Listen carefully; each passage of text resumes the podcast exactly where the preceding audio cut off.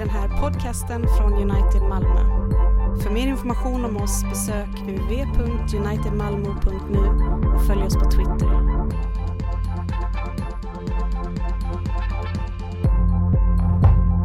Korset om kirkens liv og oppdrag i verden skal vi avslutte denne konferansen med.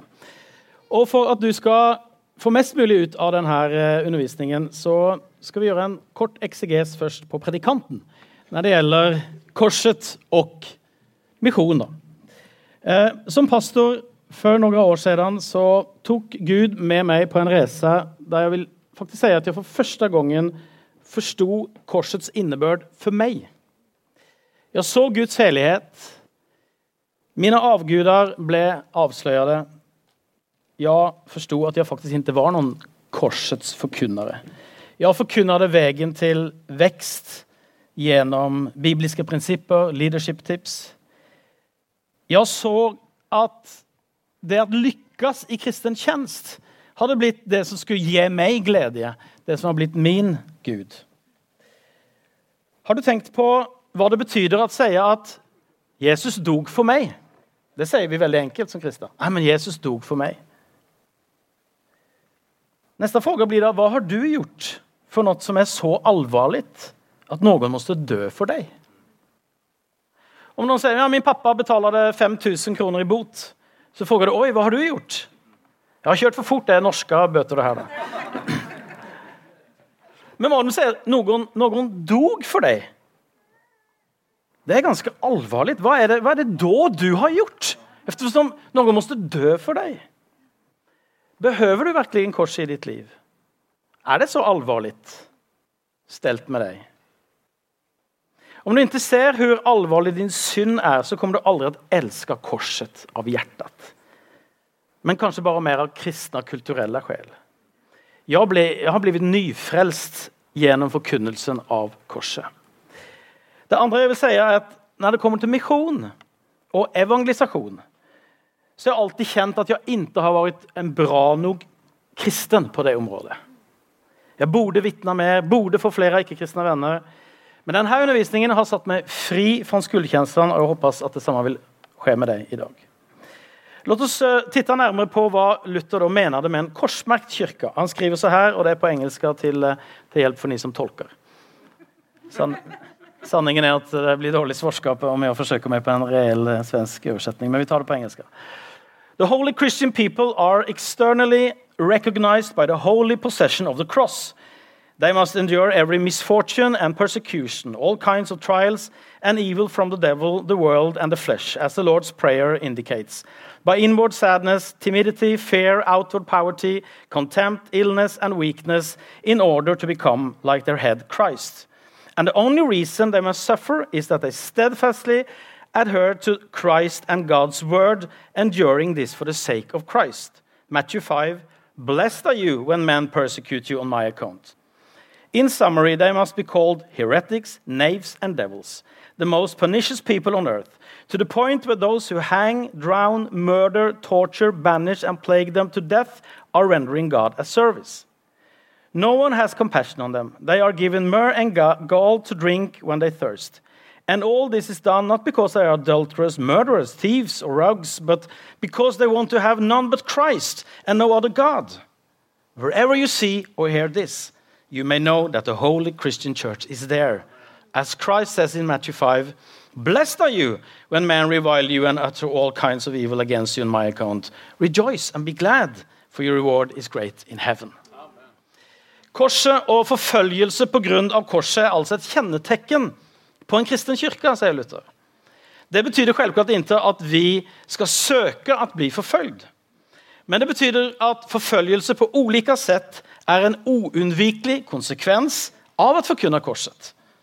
Orsaken er dypest sett at djevelen hater korset. Eftersom han vet at det var der han forlora det, og fortsetter å forlore, even om han trodde faktisk at han vant. Derfor forsøker han å attakkere oss både gjennom denne verdens systemer, gjennom sine demoner og ikke minst gjennom vårt kjøtt, for å få oss å lemne korsets vei. Og Nå blir det her at forkynne korsets teologi ofte kopplat med noe lite tungt och mörkt. Vi måste komma ihåg att förkunna korset. Men märk dig vilken bibelvers Luther här avslutar med. Saliga ni när människor hånar och förföljer er. Gläd er och jubla, ty er lön är stor i himlen. Hva er korsets teologi? Det er en teologi om hur Gud redder verden og frelser oss til glede og evig salighet gjennom Kristi verk på korset. Och også en teologi om hvordan vi skal fortsette å leve i denne gleden. Bibelen peker på korset og sier «Der finnes din lykke, din salighet, din redning. Eller for å være precis, «Bare der finnes den. Derfor måste vi inte så mycket som en tumme vika bort ifrån korsets väg. Eftersom det vore början på vår undergång, även om det kan se ut som en bättre väg. Daglig omvändelse handlar därför inte om att pina seg selv på noe sett, Men at daglig återvende til korsets kraft som leder til fornyet glede. Reformation er derfor veien til dypere glede. Hvorfor velger Gud da korset?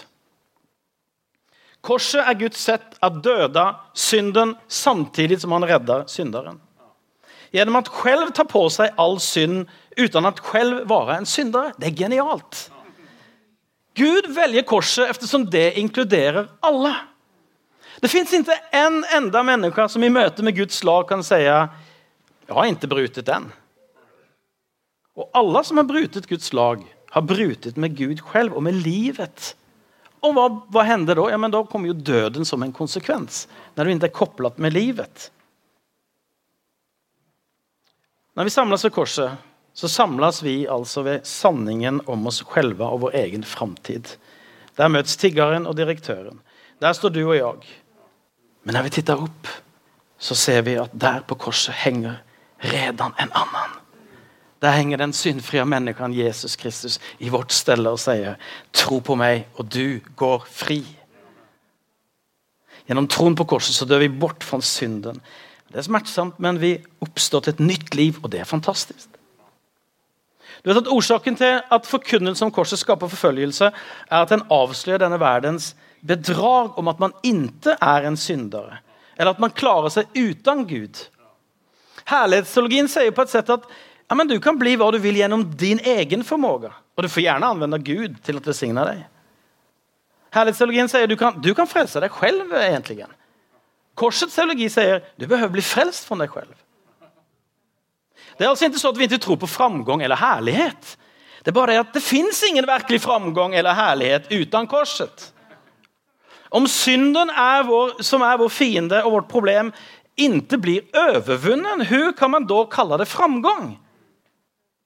Om antallet mennesker i kyrkan blir flere, men ingen får hjelp med sin synd, bare med selvforbedring eller terapi, hvordan kan vi da kalle det framgång for Guds rike? Du vet, Vi glemmer att evangeliet både gjør noe med syndens straff, syndens makt og syndens nærvaro. Gjennom rettferdiggjørelse av tro ja, men så fins det ikke lenger noen frykt for straff eftersom du nå er Guds barn. Og der har de fleste, liksom, der de fleste, holder du med om de fleste kristne. Men hva da med syndens makt? Som vi fortsatt kjemper med varje dag.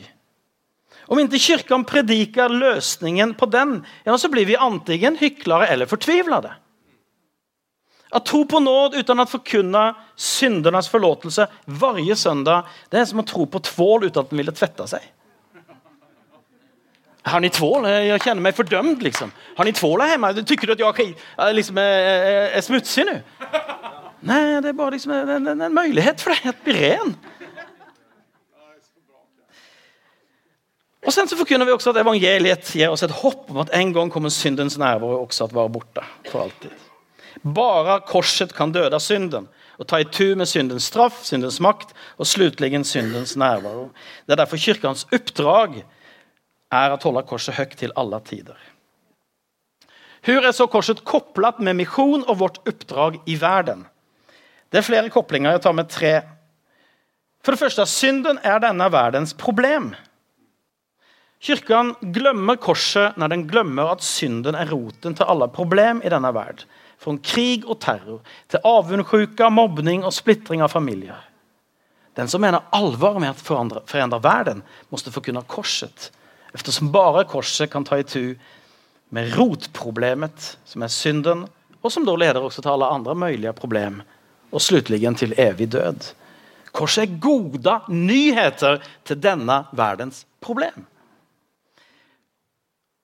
Den andre koblingen er kjærlighet til andre mennesker. Den som har sett sin synd og blitt reddet av korsets kraft, blir selv fylt av kjærlighet, Guds kjærlighet til andre syndere som ikke har sett det samme. Tim Keller han sier så her at, at om du har blitt helet fra en dødelig sykdom gjennom å ta en medisin, og sen så får, øh, får din venn den samme sykdommen, da drives du av både sanning og kjærlighet for å få ham å ta med samme medisin. Du elsker ham, og du vet hva som kan hjelpe ham. Du vet sanningen. Vet du ikke sanningen, da blir det bare omsorg uten hjelp. Har du ingen kjærlighet, ja, så bryr du deg ikke even om, om, om, du vet sanningen. Korset produserer både sanning og kjærlighet i ditt liv. For det tredje, oppståndelsens herre gir kirkene et oppdrag.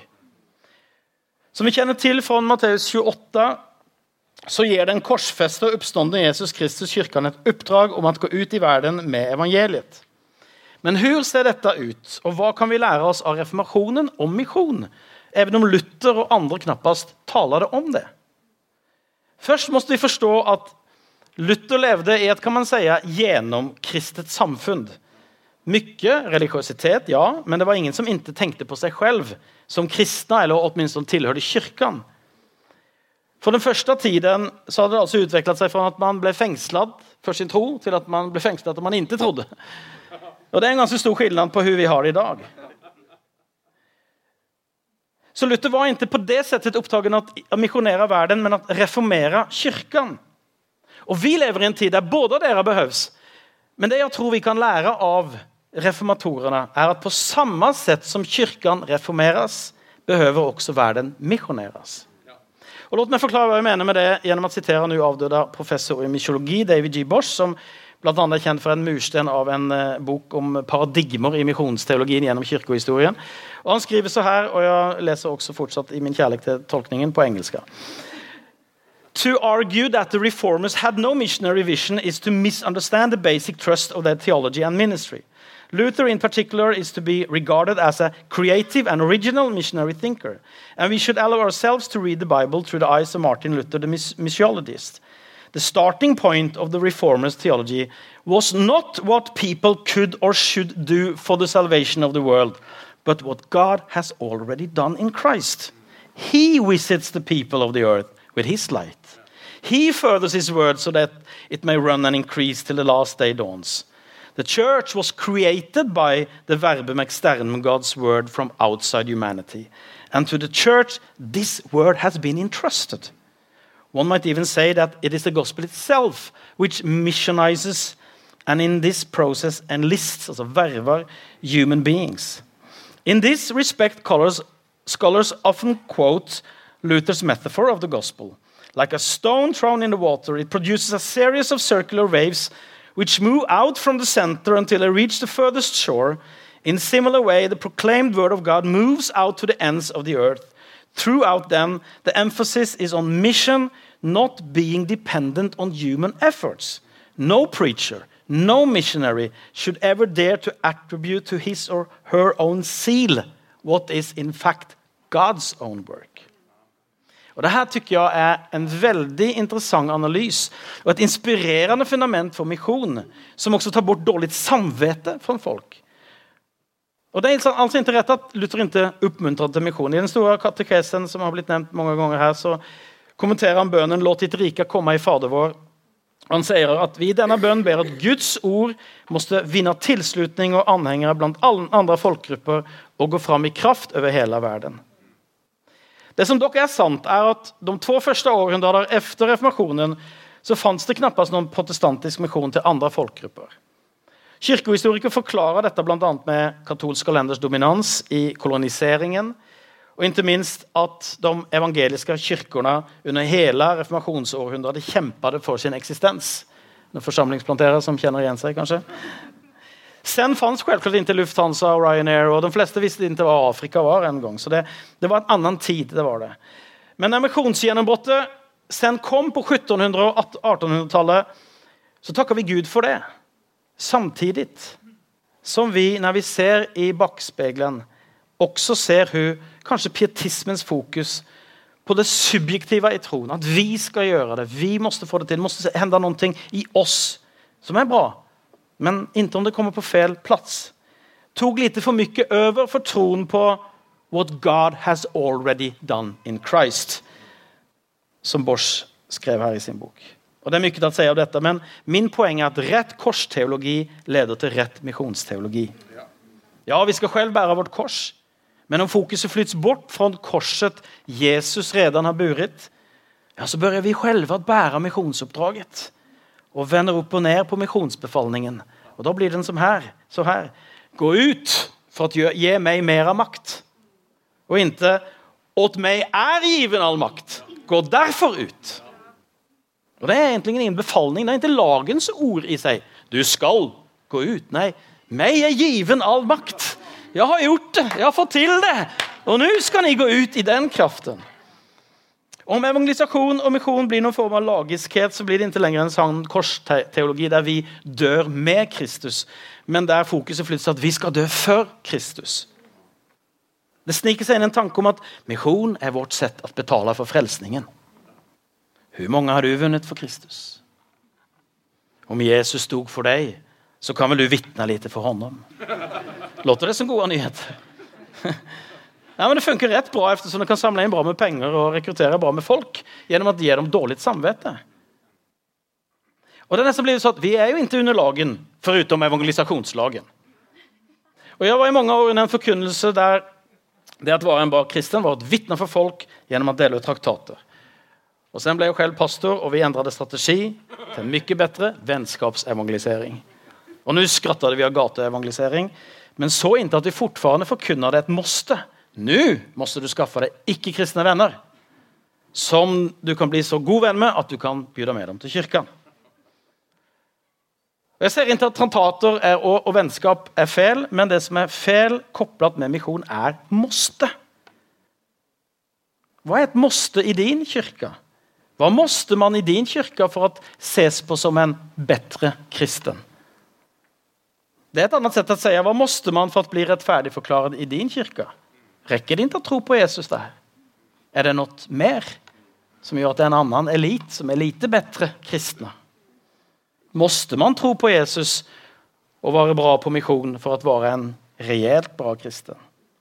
Og Vi skal selvklart ikke tilbake til ortodoksiens teologi på 1600-tallet, som mener at misjonsbefalingen redan var oppfylt, men vi kan tenke både og. Gud har kontroll. Det er han som bærer misjonsoppdraget. Men samtidig verker evangeliet i oss en vilje at gå ut. We are working out what God is already working in us. Som Paulus skriver i Filippabrevet 2, 13. Det er altså gjennom kraft og ikke gjennom krav. Noen konstgjort oppdeling av gjerninga. Først gjør Gud noe, sen skal vi gjøre noe. Nei, det er Gud hele veien. Det er han som også gjør det gjennom deg. Han blir en sånn ulykkelig relasjon. Ja, Gud, nå har du gjort en del, nå gjør jeg en del for deg. så gjør Du noe. Du blir aldri nøyd, eller han, du tenker at han blir aldri nøyd, men han er nøyd med det Jesus gjorde på korset.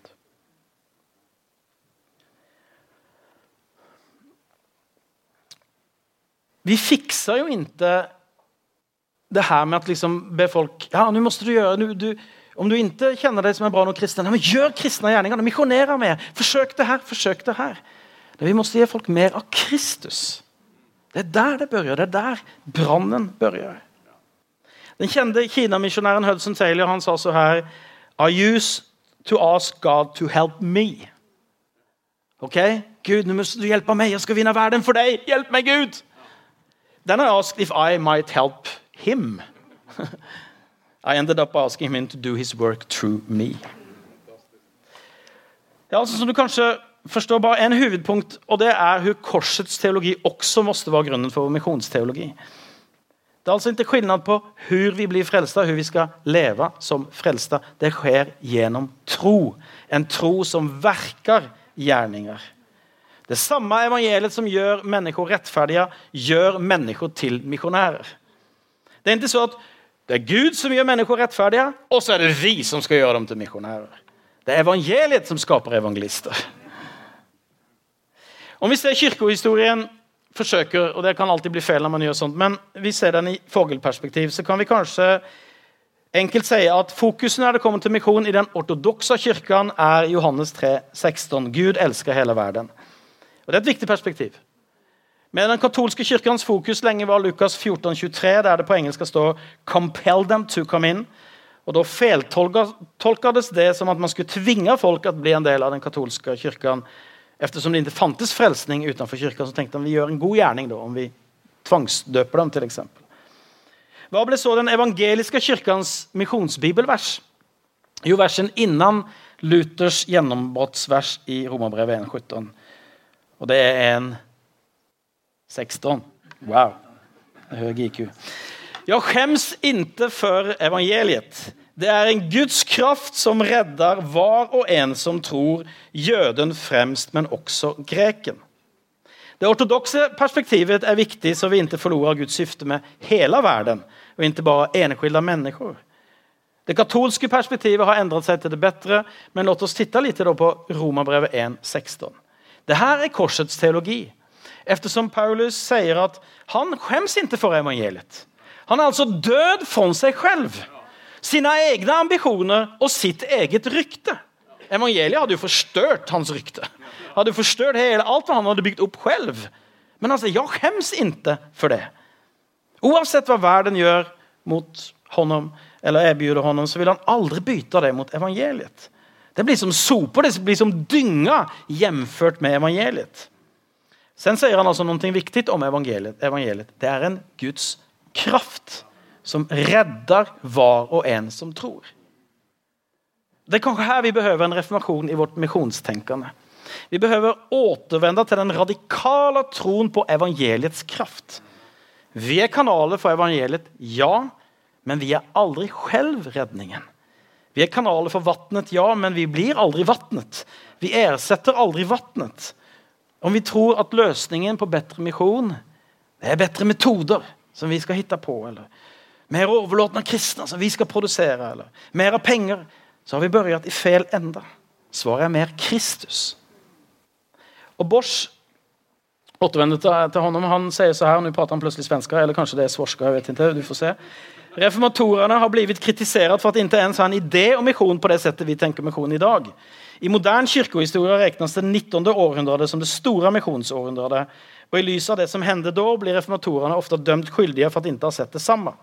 Men i nyere tid har flere forskere forespråket at det kanskje heller er dette misjonsårhundret som burde dømmes skyldige i ljus av reformasjonen, som offer for humanismen, pietismen og opplysningstiden for å ha pervertert hele tenkesettet om misjon. Og Det er sterke ord. Men hans poeng er egentlig det samme som Tim Keller skriver i sin bok Center Church, nemlig at ingen kirkevekst er egentlig mulig eller interessant uten at vi selv har blitt brutne av evangeliet og selv lever beroende av det. Og har et fokus på hva Gud har gjort. Vi må prøve et motiv for misjon. Er det ønske om å utbrede vårt eget kirkesamfunn eller gjøre vårt eget navn større? Er det en tro på at vi i Vesten vet bedre? Kanskje det er vi som behøver misjoneres av kristne fra land der det koster mer å følge Jesus? I Isaiah 6 så ser vi hvor en mikronær skapes. Jesaja møter en helig, allsmektig Gud og ser at Gud ikke er beroende av Jesaja, men at det er tvert om. Sen ser han sin synd og håpløshet i møte med Guds helhet. Og Der møter han evangeliet, blir forsonet med Gud. Og Da sier Gud, 'Hvem vil gå for meg?' Og Svaret fikk vi faktisk på hebreisk. og hans svarsport, men jeg har ikke plugget det, så vi tar det på svenska. 'Jeg vil gå', sier Jesaja. 'Jeg vil gå'. Ja, ja, jeg er redo. Ja, var det motivasjon? Nei, Guds hellighet. Jeg er en syndere. Evangeliet! Jeg vil gå! Og Sen prediker han hele livet uten at noen vil lysne, men han er glad enda. For han får gå, han får gå Guds vei. Kraften i evangeliet kommer altså både at skape en lyst til å misjonere, men også gi oss kraft til å utstå forfølgelse og motgang, og ikke minst kraft at gi Gud ære når det vokser. Predikar vi korsets kraft, kommer det å produsere misjon.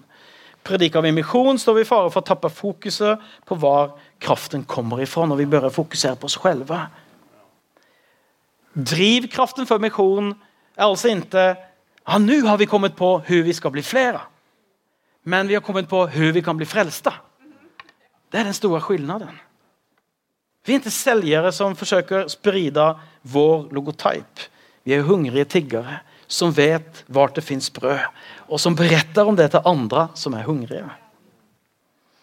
Jag tror vi behöver en, en reformation för missionen, en, en reformation där vi inte längre tror på det subjektiva. Vi tackar Gud för allt, alla misjonsorganisasjoner, alle misjonsinitiativ, alt han har gjort og anvendt Han har, skulle han anvende perfekta mennesker, så hadde jo in, ingenting hendt. Men vi ser jo dette i Bibelens ljus og ser om det er noe vi kan återopprette, sånn at det kommer en ny misjonsiver inn i Guds kirke som er basert på evangeliet og korsets kraft. Hva er det i denne misjonstanken som kanskje har deformerats og som måtte reformeres? Tre saker snabbt til slutt. At gå fra hva vi skal gjøre, til hva Gud har gjort. Altså, vi, vi, behøver virkelig å bli fri fra evangelisasjonslagen. Låt meg spørre deg, Hva hender om du ikke vitner? Blir du spetälsk da? Förlorar du din frälsning? Er ikke Gud glad i deg lenger? Ja, men måste jag inte vittna? Det er fel fråga, det er lagens fråga. För den sier hva du måtte. Men evangeliet sier hva Gud har gjort. Og når du ser det så kjenner du, får jeg lov? Får jeg kan, Er det mulig? Kan jeg få være med? Det andre vi måtte reformere, er å gå fra vårt ansvar til Guds ansvar. Du vet, Vi leser Gamle testamentet og sier ja, Gud er Israels Gud. Han fører dem ut, han redder dem fra Egypten, han leder dem inn i det lovede landet. Det er Gud hele veien. Han tar ansvar for det her. Og sen så leser vi Nytestamentet så tenker vi at på pingsdagen tok vi over ansvaret. Nå er det vi som har ansvaret for verdensmisjonen. Nei, det er fortfarande Gud som har kontrollen, Gud som har ansvaret. Men han vil ha med oss. Han vil anvende oss. Absolutt. Det vært en debatt i Norge om hva skal man legge på ungdommer liksom, av, av, av misjonsansvar. og Er det deres ansvar at Europa går fortapt? og alt sånt? Eh, hva, hva, liksom, hva, hva gjelder? Og Jeg tror det er jätteviktig att forstå at loket og vagnene som, som, eh, som Magnus eh, pratade om. Vi måste verkligen rota unga människor i evangeliet. Så inte de går runt med en, en börda och känner jag ska vinna världen, mitt fel att det ser ut så. Och Gud, du måste rädda det här projektet du har satt igång. Det ser så dåligt ut nu med, med kyrkan och med västvärlden. Och förlåt, vi ska göra mer, vi ska göra bättring. Nej, det börjar inte så. Det börjar med at de ser hva Kristus har gjort for dem Og ser at troen er noe som bærer dig som, som, som en drivkraft i ditt liv. og som inntil du måtte følge noe for å møte en nådig Gud. Men eftersom du har møtt en nådig Gud så vil du følge honom der han leder deg. Og Dette her gjør at bønnen får en fornyet plass i mission. For vi springer bare inn til ja vi måtte aktivere. Nei, nei, nei, ned på kne. Låt oss be. Låt oss søke Gud, missionens herre, skördens herre. og fråge fråga honom, och vi, og vi, sjung, vi sjunger det i, i varje gudstjänst. Her er jeg. Send meg. Jeg vil gå dit du leder meg. Det er en bøneinnstilling. Siste at gå gå å forsøke å finne noen å vitne for, til å finne tilbake til hånden som er verdt å vitne om. Har du merket at det er svårt å få folk å slutte å prate om saker de brenner for, og som er deres glede i livet? Gi meg en halvtime om kaffe du er stuck altså. det kan jeg love dig. Och da kjenner jeg ikke altså, å, nå, är det liksom, det är jättetungt här, nu måste jag offra någonting. Liksom. Men det er jo en glede å få, å få redde en forlorad sjel som er oppvoksen på mørkbrent Skånerost. Liksom.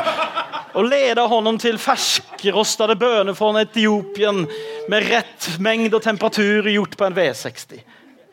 Good place to say amen.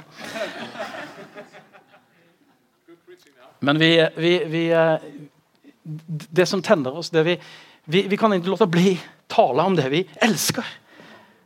Og det er det som har hendt med Jesus. Han har gitt oss sin kjærlighet. Vi elsker ham att han har elsket oss først. Låt korsets glede driva oss till mission og låt behovet for mission driva oss till korset. Da blir det missio dei, Guds mission gjennom oss. Jeg tykker det er et bra sett å avslutte denne konferensen på med å läsa från andra Korinthierbrevet 5, 11-21. Där Paulus själv säger precis vad jag har försökt att säga idag. Han säger det mycket bättre. Att han som missionär är driven av Guds fruktan och har kärlek. Och att hela försoningen är ett Guds verk. Och att det, det är även är Gud som manar genom honom att världen ska försonas med Gud. Det är kraft hela vägen. Inga krav. Och det är inte vårt verk, men det är Guds verk hela vägen. Ska vi reise, oss på, reise på oss og så skal vi ta imot dette Guds ord. Da vi altså vet hva det er at frukter Herren forsøker vi vinne mennesker. Men for Gud er det uppenbart hvordan vi er. Og jeg hoppas at det også er uppenbart for era samveten. Inte så at vi på nytt vil rekommendere oss själva innenfor er, men i for tilfelle at att er era oss så at ni har noe til å svare dem som berømmer seg yttre ting og inntar av det som finnes i hjärtat. Har vi vært borte fra våre sinnen var det for Gud. Er vi ved sans og besinning så er det for er. Ty Kristi kjærlek driver oss eftersom vi er övertygade om at en har dødd i alla ställe og derfor har alla dødd. Og sen han dog for alle, for at de som lever inntil lenger skal leve for seg själva utan för honom som har dødd og uppstått for dem. Derfor kjenner vi inntil lenger noen på et ytligt sett. Även om vi lært kjenne Kristus på et ytligt sett, kjenner vi honom inte längre så. Alltså om noen er i Kristus er han en ny skapelse.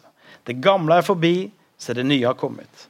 Alt kommer fra Gud som har forsonet oss med seg selv gjennom Kristus og gett oss forsoningens tjänst.